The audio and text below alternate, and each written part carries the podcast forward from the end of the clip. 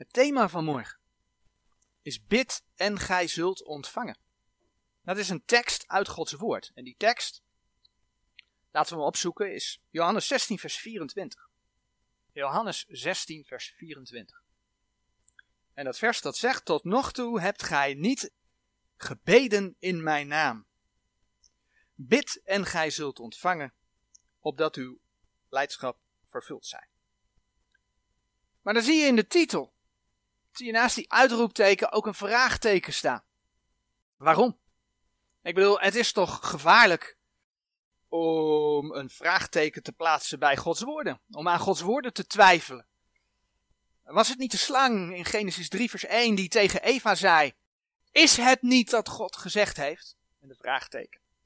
Nou, die tekst in Johannes 16 vers 24, zoals wij hem gelezen hebben, die staat daar en die laten wij ook staan. Daar voegen we niets aan toe en daar doen we niets van af. Maar de grote vraag is: kun je dat vers in alle situaties op jezelf toepassen? Kun je inderdaad zeggen dat de Heer God altijd alles geeft als je maar bidt in de naam van de Heer Jezus? Kun je zeggen dat God jou altijd alles geeft wat je hartje begeert? Dat is de grote vraag. Ja, weet je, dit is niet het enige vers waar dit in voorkomt. Johannes 14, vers 13. Johannes 14, vers 13 zegt: En zo wat gij begeren zult in mijn naam, dat zal ik doen. Opdat de Vader in de Zoon verheerlijkt wordt. In het Oude Testament, Psalm 37, vers 4. Psalm 37, vers 4. En verlustig u in de Heere, zo zal Hij u geven de begeerten uw harten. En dan bladeren we nog weer even vooruit naar Romeinen, Romeinen 8, vers 32. Romeinen 8, vers 32. Die ook zijn eigen zoon niet gespaard heeft, maar heeft hem voor ons alle overgegeven. Hoe zal hij ons ook met hem niet alle dingen schenken? Hoe zal hij ons ook met hem niet alle dingen schenken? Als je deze teksten zo leest en er ook geen context bij laat, dan zou je inderdaad kunnen denken dat de Heer je alles geeft wat je hart begeert. Breng het in gebed en je ontvangt het. En je denkt ook nog dat je daar blij van gaat worden. En dat het allemaal tot eer van de Heer is, want dat hebben we net gelezen in die vers. Dat is een mooie opsteker. We hadden het vanmorgen al even over het welvaartsevangelie. Nou, dat is een mooie opsteker voor mensen van het welvaartsevangelie. Denk dat je rijk wordt. Vraag het aan de Heer en je wordt rijk. Als je Jezus kent, word je rijk en gaat het je altijd voor de wind. Dat is wat zo hier en daar nog wel eens gepredikt wordt. Maar klopt dat ook? Er zijn veel gelovigen die voor gezondheid gebeden hebben. En die ondanks hun gebed ziek bleven en misschien wel zieker werden, misschien wel overleden. Of denk aan de gelovigen die gebeden hebben voor bescherming. En toch werden ze vervolgd. Of toch worden ze, want het gebeurt vandaag de dag nog net zo hard. En toch worden ze vervolgd. Er zijn vele broeders en zusters die dat meemaken. Hoe kan dat? Toen we bij de eigenschappen van de Heere God stilstonden, toen zagen we onder andere dat de Heere God het vaderschap heeft. Als kind van God mag je weten dat de Heere God jouw vader is. Hij is jouw vader. En wat doet een vader? Gewoon een aardse vader. Bladeren we ondertussen naar Psalm 103. Een aardse vader zorgt voor zijn kind. En daarom vergelijkt de Heere God die zorg van die aardse vader ook met zijn zorg voor de zijne. Want God is vader. In Psalm 103, vers 13. Daar lezen we: Gelijk zich een vader ontfermt over de kinderen, ontfermt zich de Heere over degenen die hem vrezen. De Heere ontfermt zich over de zijne. Ja, hij zorgt voor de zijne. Vind je ook in 1 Petrus 5 vers 7. Vader leert allerlei dingen. In de spreuken kom je daar ook mooie spreuken over tegen. Spreuken 22 vers 6 staat hier op de dia. Leer de jongen de eerste beginselen naar de eis zijns wegs. Als hij ook oud zal geworden zijn, zal hij daarvan niet afwijken. Een vader leert zijn kinderen allerlei dingen. Dat doet de Heere God ook. Een vader beschermt zijn kinderen, ook in allerlei situaties. Als er druk autoverkeer op een straat is, dan zal een vader zijn kind er niet laten spelen. Voordat een kind in open water mag zwemmen, zal een vader willen dat het kind toch eerst een zwemdiploma haalt. En zo zijn er vele voorbeelden meer te bedenken. Zo zorgde de Heere God voor de zijne. Maar betekent dat nu dat wanneer een vader voor zijn kind zorgt, dat het kind ook altijd zijn zin krijgt? Nee, dat betekent het niet.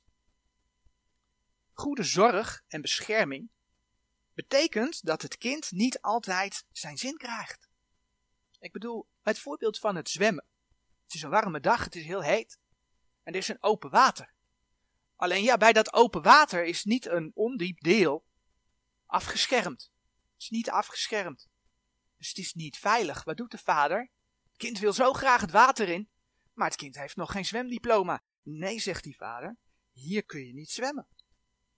Dat is niet om te plagen, maar het is voor bescherming van het kind. En zo werkt het ook bij de Heer God. Hij zorgt voor zijn kinderen. Maar soms geeft hij zijn kinderen iets niet. Bijvoorbeeld om ze te beschermen. En soms geeft hij zijn kinderen iets niet, omdat het er de tijd nog niet voor is. En soms geeft hij zijn kinderen iets niet, omdat ze nog iets moeten leren. En ja, natuurlijk zijn er een hele hoop verlangens. Begeertes in het hart van de mens, die niet goed zijn. Het is niet voor niks dat de Heere God tegen begeerte waarschuwt. In de wet komen we het al tegen. Exodus 20, vers 17. Exodus 20, vers 17. Waar we lezen. Gij zult niet begeren uw naaste huis, gij zult niet begeren uw naaste vrouw, nog zijn dienstknecht, nog zijn dienstmaagd, nog zijn os, nog zijn ezel, nog iets dat uw naaste is. Dat gaat over begeertes die zondig zijn. En ja, dat heeft te maken met ons vlees. Het vlees dat mensen tot zonde probeert te verleiden. Als je de kent, je leeft nog in dat vlees. Efeze 2 vers 3 laat zien dat de mens van nature onder de overste van die macht der lucht staat. Dus de mens zondigt, vandaar dat die begeertes er zijn. En als gelovige heb je daar regelmatig nog last van. Daar getuigt Gods woord van. Daar waarschuwt Gods woord tegen. Maar over dat soort begeertes willen we het nu niet hebben. De Bijbel laat namelijk ook zien dat er goede verlangens zijn. Of dingen die op zichzelf helemaal niet verkeerd zijn. Dingen die op zichzelf niet direct fout hoeven te zijn, maar dan zijn er situaties van hoe ga jij daarmee om? Ik bedoel, een baan is niet verkeerd. Sterker nog, de Heer wil graag, als het even kan, dat je je eigen geld verdient om je onderhoud te voorzien. Dus een baan is goed. Maar hoe ga je met een baan om? Heb je die om duur te kunnen doen? Op te kunnen scheppen? Dan ben je wederom, hè, een baan op zich is niet verkeerd. Maar dan ben je vervolgens wel verkeerd bezig. En dat kun je op heel veel dingen betrekken. En dan wordt het dus wel een zon. Nou, over dat soort dingen, dingen die gewoon wel goed zijn, of dingen die op zichzelf wel goed zijn, maar hoe ga je daarmee om? Daar wil ik het in deze boodschap over hebben. Maar laten we allereerst eens kijken naar de teksten die we vanmorgen benoemd hebben. Laten we eens kijken, en dan beginnen we in het Johannesevangelie, hoofdstuk 14. Of het nu echt wel zo is dat de Heere de zijne alles wil geven. In Johannes 14, vers 13 en 14 lezen we het volgende. En zo wat gij begeren zult in mijn naam, dat zal ik doen. Opdat de Vader in de Zoon verheerlijkt wordt. Zo gij iets begeren zult in mijn naam, ik zal het doen. De eerste vraag is dan, wat is de context van dit gedeelte? In dit gedeelte sprak de Heer Jezus in eerste instantie met zijn twaalf discipelen.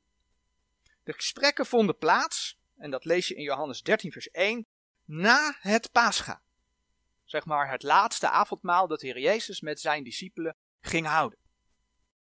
Maar ook voordat de Heer Jezus met zijn discipelen naar de hof van Gethsemane ging. Want dat lees je in Johannes 18, vers 1.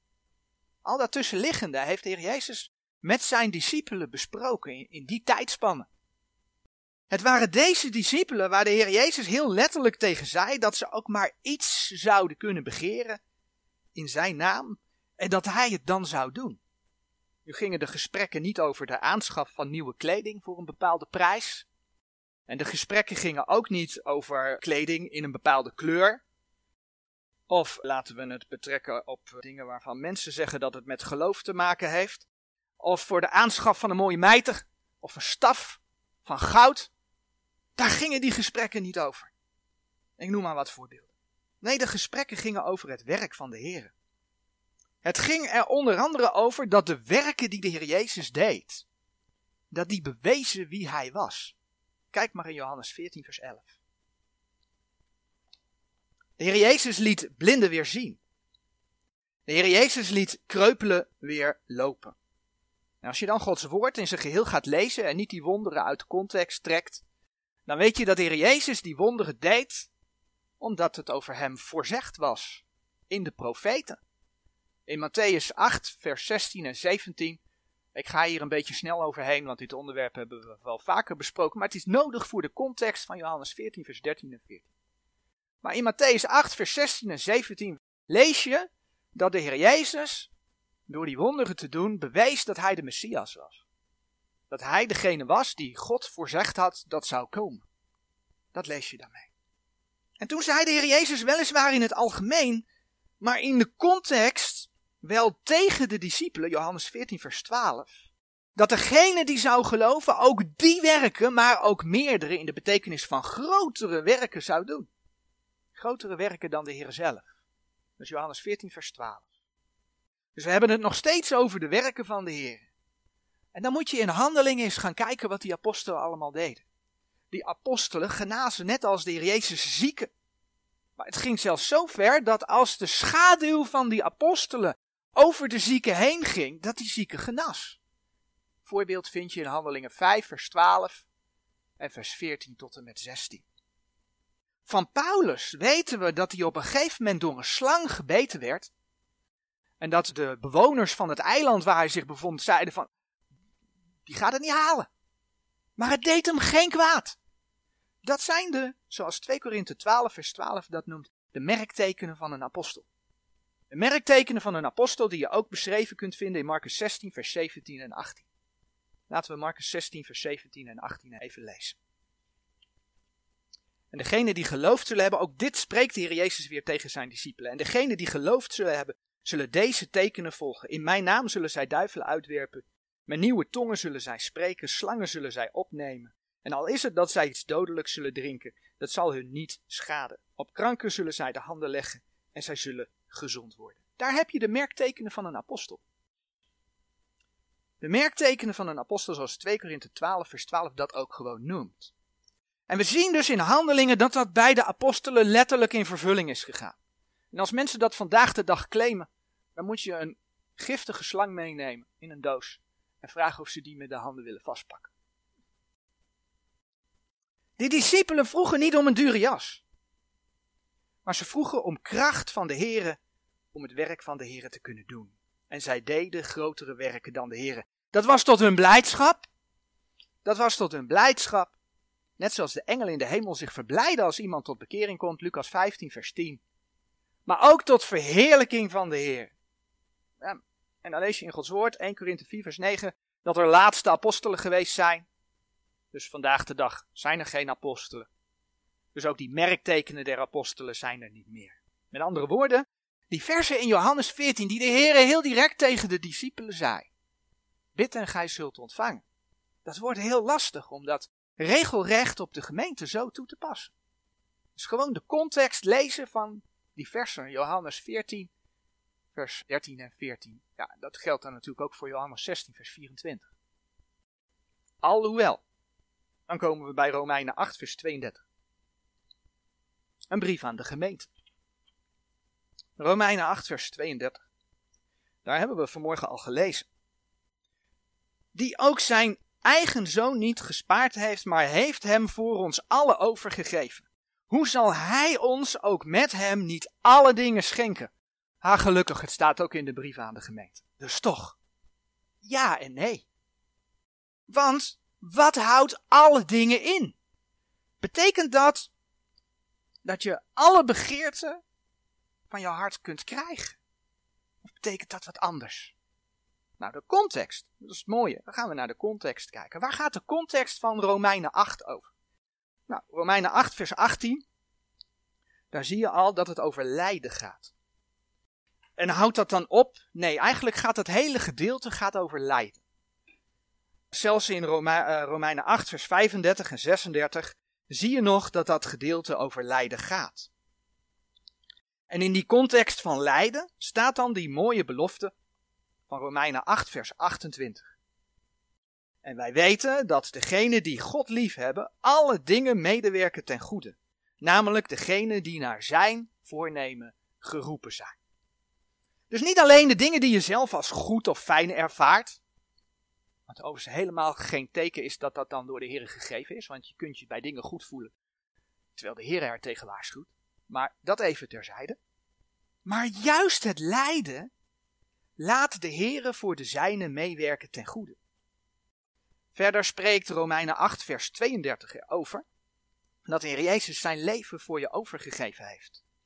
En daardoor, en dat lees je ook in de context, bijvoorbeeld Romeinen 8 vers 30, krijg je in hem Gods rechtvaardigheid. 2 Korinthe 5 vers 21 spreekt daar ook over. De Heer Jezus, Romeinen 8 vers 29, is de eersteling uit de doden. Ook jij als kind van God zult opstaan uit de doden. Romeinen 8. Je ziet, ik loop de context een beetje door. Romeinen 8 vers 23. De Heer Jezus had een opstandingslichaam. Ook jij, als je een kind van God bent, zult een opstandingslichaam krijgen. Romeinen 8, vers 29. Toen de Heer Jezus naar de Vader ging, werd hij verheerlijkt. Kun je vinden in Johannes 12, vers 6, 1 Timotheus 3, vers 16. En zo zal ook de wederom geboren gelovige met hem verheerlijkt worden. En dan zegt 2 Thessalonicense 1, vers 10 dat dat plaatsvindt als de gelovige met hem terugkomt. Dan zul je met hem verheerlijkt worden.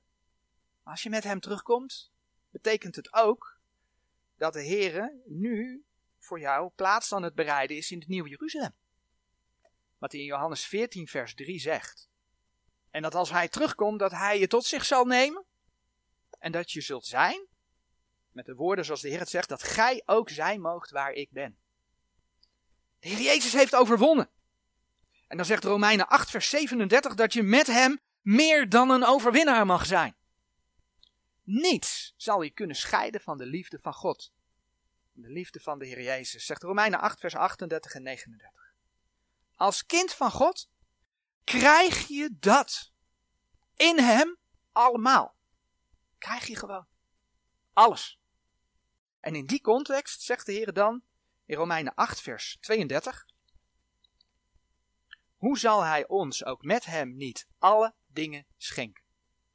Al die dingen, dat gaat dus veel verder dan dure kleding, een mooie auto, een nieuw huis, een goede baan. Of zelfs een partner. Of een geestelijke taak binnen de gemeente. Of bevrijding uit gevangenschap. En noem maar dingen op. In de boodschap over aansporingen in het christelijk leven zagen we niet voor niets de oproep in Colossense 3 vers 2. Bedenk de dingen die boven zijn. Niet die op de aarde zijn maar ook hier op aarde. Zorgt de Heer voor zijn kinderen. En nee, dat betekent niet dat je altijd alles krijgt wat je begeert. Sterker nog, Romeinen 8 staat, zoals we gezien hebben, in het teken van lijden. En laten we eerlijk zijn, als lijden op ons pad komt, is niemand die daar uit zichzelf om staat te springen. Ik bedoel, kijk naar mezelf. Dat is niet makkelijk als je soms dingen tegenkomt. Dat is moeilijk. Het leven is soms moeilijk. Alleen je moet dat wel met de Heeren, bij de Heeren brengen. En met de Heer in wandelen. Mensen verlangen er niet naar om te lijden. Als mensen lijden, dan zie je ook al gauw dat er gebeden wordt om verlossing van dat lijden. En dan komt hij, daar zullen we zo nog een voorbeeld van zien. De Heer laat juist zien dat hij vaak door lijden mensen iets wil leren.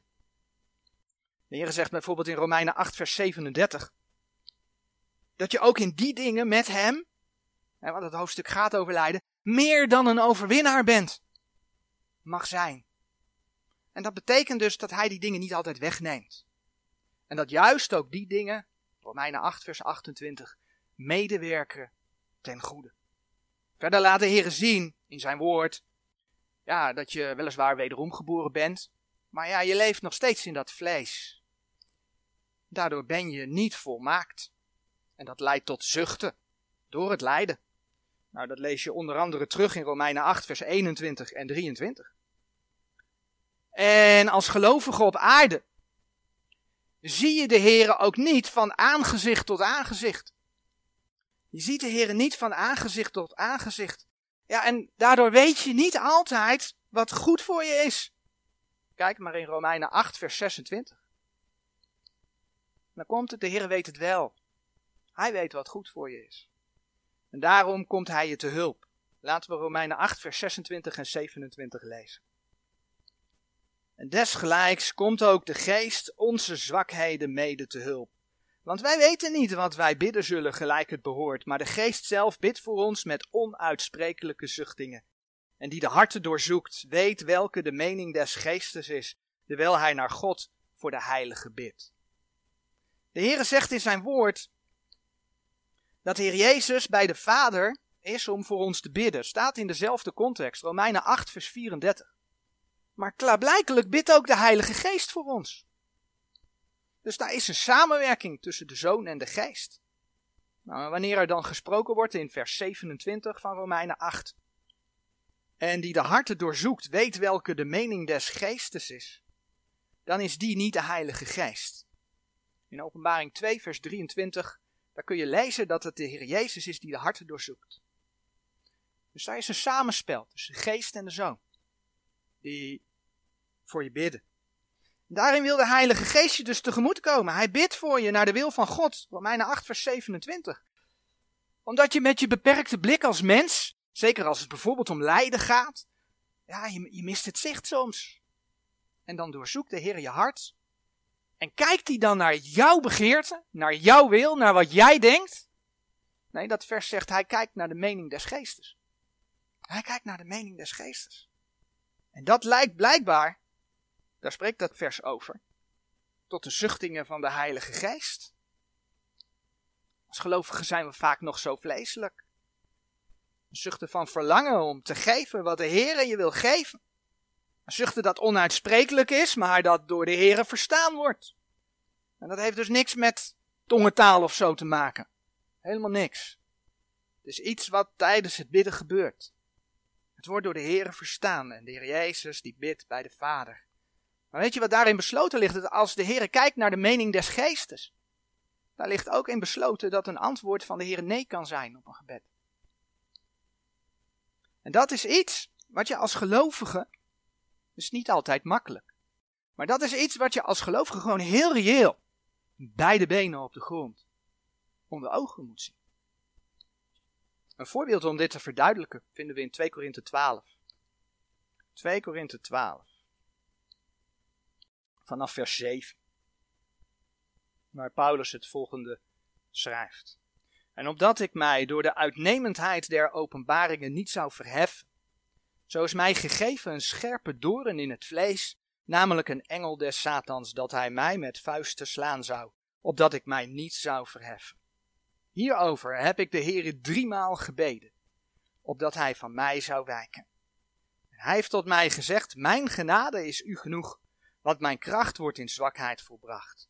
Zo zal ik dan veel liever roemen in mijn zwakheden, opdat de kracht van Christus in mij wonen. Daarom heb ik een welbehagen in zwakheden, in smaadheden, in noden, in vervolgingen, in benauwdheden om Christus wil, want als ik zwak ben, dan ben ik machtig. Zien we hoe Paulus een nee als antwoord krijgt? Paulus krijgt een nee. Maar dat nee, dat had wel een doel. En de Heere wist wat goed voor Paulus was. In deze situatie was de reden dat Paulus zich niet moest gaan verheffen. Maar zo kunnen er ook andere redenen zijn. En zo mag je weten dat de Heere weet wat goed is. Goed is voor jou, maar net zo goed goed is voor mij. De Heere weet dat. Als het om gebedsverhoring gaat, is het goed om te beseffen dat de Heer daar een aantal dingen over laat zien. En daar gaan we nu niet heel uitgebreid op in. Vorig jaar hebben we bij dat onderwerp stilgestaan. Maar er zijn dus zaken die je gebeden kunnen verhinderen. Die je gebeden in de weg kunnen staan. een van de dingen, ik noem wat voorbeelden van het lijstje wat we toen bekeken hebben. Een van de dingen is ongehoorzaamheid aan Gods woord. Kun je in 1 Petrus 3 vers 7 vinden. Of je bidt met een verkeerde reden. En dat vers zoeken we op, Jacobus 4 vers 3. We nemen dat vers er expres even bij, omdat dat ook voor deze boodschap helpt om deze boodschap te begrijpen. Je kunt met verkeerde redenen bidden. Je kunt nog zo heilig willen voorkomen, terwijl je eigenlijk iets wil wat ja, voor jouzelf is. Dus dan ben je eigenlijk toch met jezelf bezig in plaats dat je met de Heere God bezig bent. Jacobus 4 vers 3. Gij bidt en gij ontvangt niet, omdat gij kwalijk bidt. Opdat gij het in uw wellusten doorbrengen zou. Dat is best een belangrijk. Je bent dus niet op de Heer gericht, op zijn werk. Maar je denkt eigenlijk alleen aan jezelf. Of er nou een dekmantel overheen zit of niet. Komen we zo nog op terug. Andere redenen kunnen zijn, Jacobus 1 vers 8, dat je dubbelhartig bent. Leef je nou voor de Heer of toch voor de wereld? Of dat je mooie woorden gebruikt om indruk op anderen te maken. Of dat je niet wilt vergeven. Allemaal dingen die de Heere God laat zien in zijn woord, die de verhoring van je gebed in de weg kunnen staan. En een van de redenen is natuurlijk ook een hele simpele, dat je de Heer niet vraagt. Maar, als kind van God mag je dus weten dat de Heere God voor je zorgt. Ook als het gebeurt dat de Heer een gebed niet verhoort. De Heer weet wat goed voor je is. En soms wil hij je daar iets mee leren. Voor Paulus was het een bescherming tegen zichzelf. Maar de Bijbel spreekt ook wel over tuchtiging of kastijding. En dan hebben we het over een vorm van bestraffing. Tuchtiging is ter waarschuwing. Het is meer de leer ter waarschuwing. Dat je zegt, de Bijbel zegt dit, maar zus en zo. En de kastijding is de straf zelf. In een gezonde vader-kindrelatie zal de vader het kind dikwijls moeten straffen. Dat hoort gewoon bij een stukje opvoeding. Gebeurt dat niet, ja, dan kun je rare gezinssituaties krijgen. In Spreuken 29 vers 15 bijvoorbeeld. Spreuken 29 vers 15. Daar lezen we. De roede en de bestraffing geeft wijsheid. Maar een kind dat aan zichzelf gelaten is, die dus niet bestraft wordt, die aan zichzelf gelaten is, beschaamt zijn moeder. Bestraffing hoort erbij. En het doel is dat het kind er iets van leert. Van een bestraffing wordt een kind dus wijzer, het leert ervan, het groeit erdoor. En in een normale situatie is het zo dat ouders dat niet doen omdat ze een hekel aan dat kind hebben. We hebben het natuurlijk niet over excessen. Normale situatie doen ouders dat niet omdat ze een hekel aan een kind hebben. Maar juist omdat ze van hun kinderen houden. Dat ze hun kind lief hebben. Ja, dat werkt bij de Heere God exact hetzelfde. Hebreeën 12. In Hebreeën 12 vers 5 en 6. Daar lezen we. En gij hebt vergeten de vermaning die tot u als tot zonen spreekt. Mijn zoon acht niet klein de kastijding des Heren en bezwijk niet als gij van hem bestraft wordt. Want die de Heere lief heeft, kastijdt hij. En hij geestelt een iegelijke zoon die hij aanneemt. Daar staat eigenlijk dat iedereen er gewoon mee te maken krijgt. Als kind van God word je gekastijd. Zo heeft iedereen een ander ding in zijn leven wat moeilijk is, waardoor je strijd hebt in je leven. Nou, kastijding op het moment zelf is nooit leuk. Dat staat ook in Gods woord, Hebreeën 12, vers 11. Maar het heeft geen zin om in opstand te komen. Want ja, de Heer wil je iets duidelijk maken. Hij wil je iets leren, zodat je gaat groeien. Groeien in je geloofsleven. Hebreeën 12, vers 9 en 10. Voorts wij hebben de vaders onze vleesers wel tot kastijders gehad, en wij ontzagen hen, zullen wij dan niet veel meer de vader der geesten onderworpen zijn in leven? Zijn we de Here onderworpen? Ben je de Here onderworpen? Want genen hebben ons wel voor een korte tijd, nadat het hun goed dacht, gekastijd, maar deze kastijdt ons tot ons nut, opdat wij zijner heiligheid zouden deelachtig worden. Heeft niet met behoud te maken, maar het heeft met een stukje ja, leven voor de Heer te maken. Heiliging die de Heer vraagt. Niet om behouden te worden, niet de zoveelste stap op weg naar, maar wel voor loon en kroon. Het is tot je nut. En zo kan kastijding dus een reden zijn waarom je verlangens niet of nog niet vervuld worden. De Heere zorgt dus in alle omstandigheden voor je. Hij doet alle dingen medewerken ten goede. Een tekst die ook over zijn zorg gaat, vinden we in Filippenzen 4. Filippenzen 4, vers 19. Doch mijn God zal naar zijn rijkdom vervullen al uw nooddruft. In heerlijkheid door Christus Jezus. Doch mijn God zal naar zijn rijkdom vervullen al uw nooddruft. In heerlijkheid door Christus Jezus. Nooddruft, dat heeft te maken met benodigdheden. Hij wil je alles geven. Alles geven zodat je in je onderhoud kunt voorzien. Ja, en dat past ook in de context van Filippenzen 4 waar de Filippenzen ervoor zorgden dat Paulus onder andere te eten had en zijn onkosten kon betalen. Kijk maar in Filippenzen 4 vers 15 en Filippenzen 4 vers 18. En als Paulus dan bidt dat de Heer voor de Filippenzen al hun nooddruft zal vervullen, Filippenzen 4 vers 19, dan bidt hij dus dat de Heer op dezelfde manier voor hen zal zorgen. En ook op andere plaatsen, dan bladeren we naar 1 Timotheus, hou de hand bij Filippenzen 4, want dan komen we zo terug. Zo lezen we ook op andere plaatsen dat je daar als gelovige tevreden mee moet zijn. 1 Timotheus 6, vers 8. In 1 Timotheus 6, vers 8, daar lezen we. Maar als wij voedsel en deksel hebben, wij zullen daarmee vergenoegd zijn. Dat is wat de Heer vindt. En dat is iets wat uit de context van Filippenzen 4, vers 19 ook weer blijkt. Paulus is in diverse situaties geweest. En in alle heeft hij geleerd om tevreden te zijn, omdat het de Heere is die in alle situaties kracht geeft. In Filippenzen 4 vers 11 tot en met 13. Filippenzen 4 vers 11 tot en met 13, daar lezen we. Niet dat ik dit zeg vanwege gebrek, want ik heb geleerd vergenoegd te zijn in hetgeen ik ben. En ik weet vernederd te worden, ik weet ook overvloed te hebben. Alleszins en in alles ben ik onderwezen, beide verzadigd te zijn en honger te lijden, beide overvloed te hebben en gebrek te lijden. Ik vermag alle dingen door Christus die mij kracht geeft. Eigenlijk net zoals Paulus in 2 Korinthe 12 zei dat hij moest leren: Mijn genade is u genoeg. En dan is dus de vraag: Klaag je in je zwakheden, in je noden, in datgene waarvan jij denkt dat je eigenlijk tekort komt? Je begeert. Of roem je in je zwakheden, in je noden?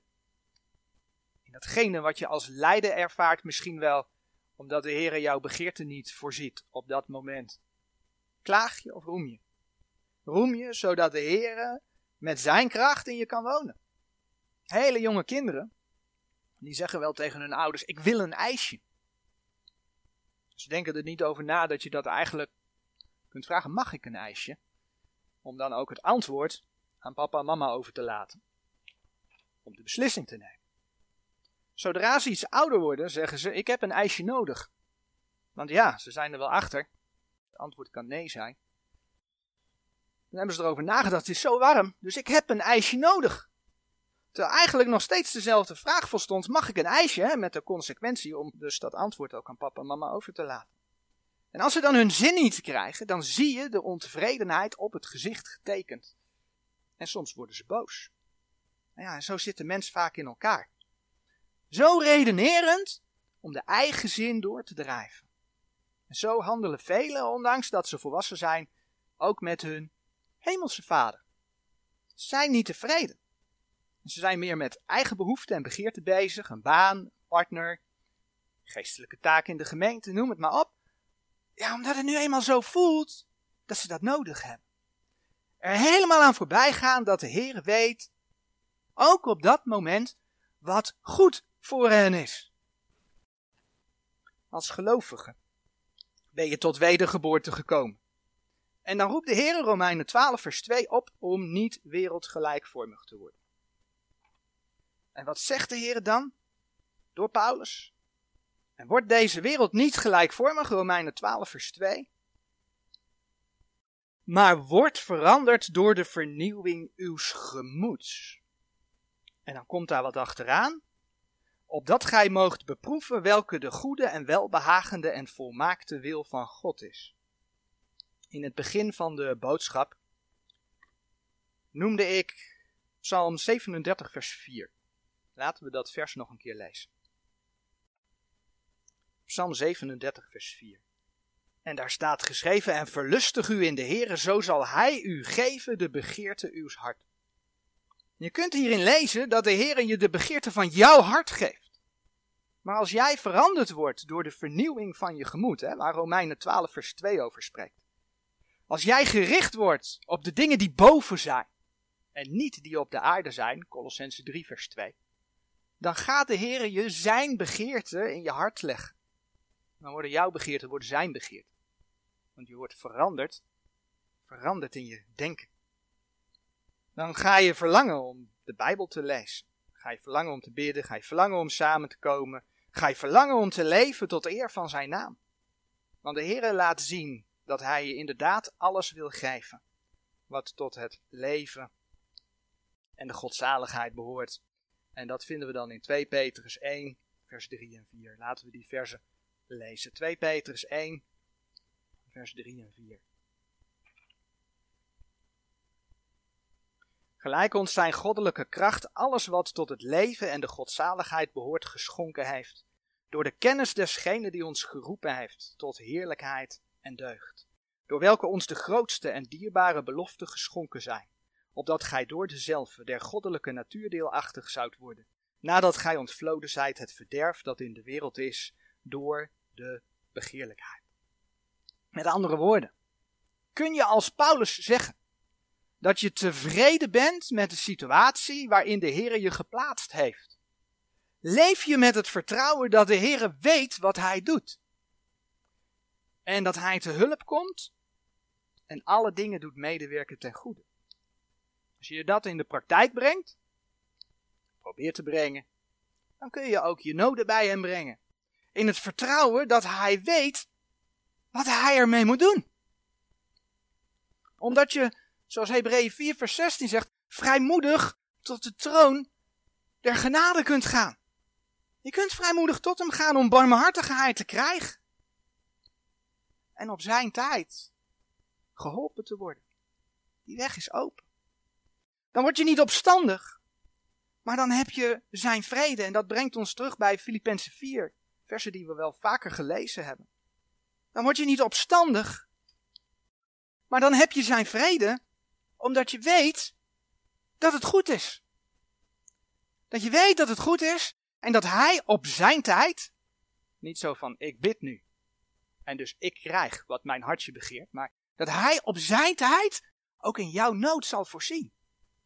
Filippenzen 4, vers 6 en 7. En daar sluiten we dan mee af. Wees in geen ding bezorgd. Maar laat uw begeerte in alles door bidden en smeken met dankzegging bekend worden bij God. En de vrede Gods, die alle verstand te boven gaat, zal uw harten en uw zinnen bewaren in Christus Jezus.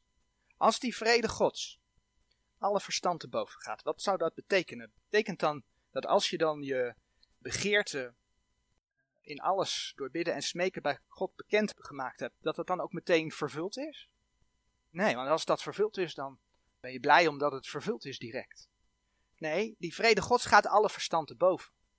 Soms worstelen we met dingen. En juist dat worstelen mag je met de Heer leren doen. En dan geeft Hij daar vrede in. En op zijn tijd heeft Hij daar ook de uitkomst voor, de oplossing voor. Amen.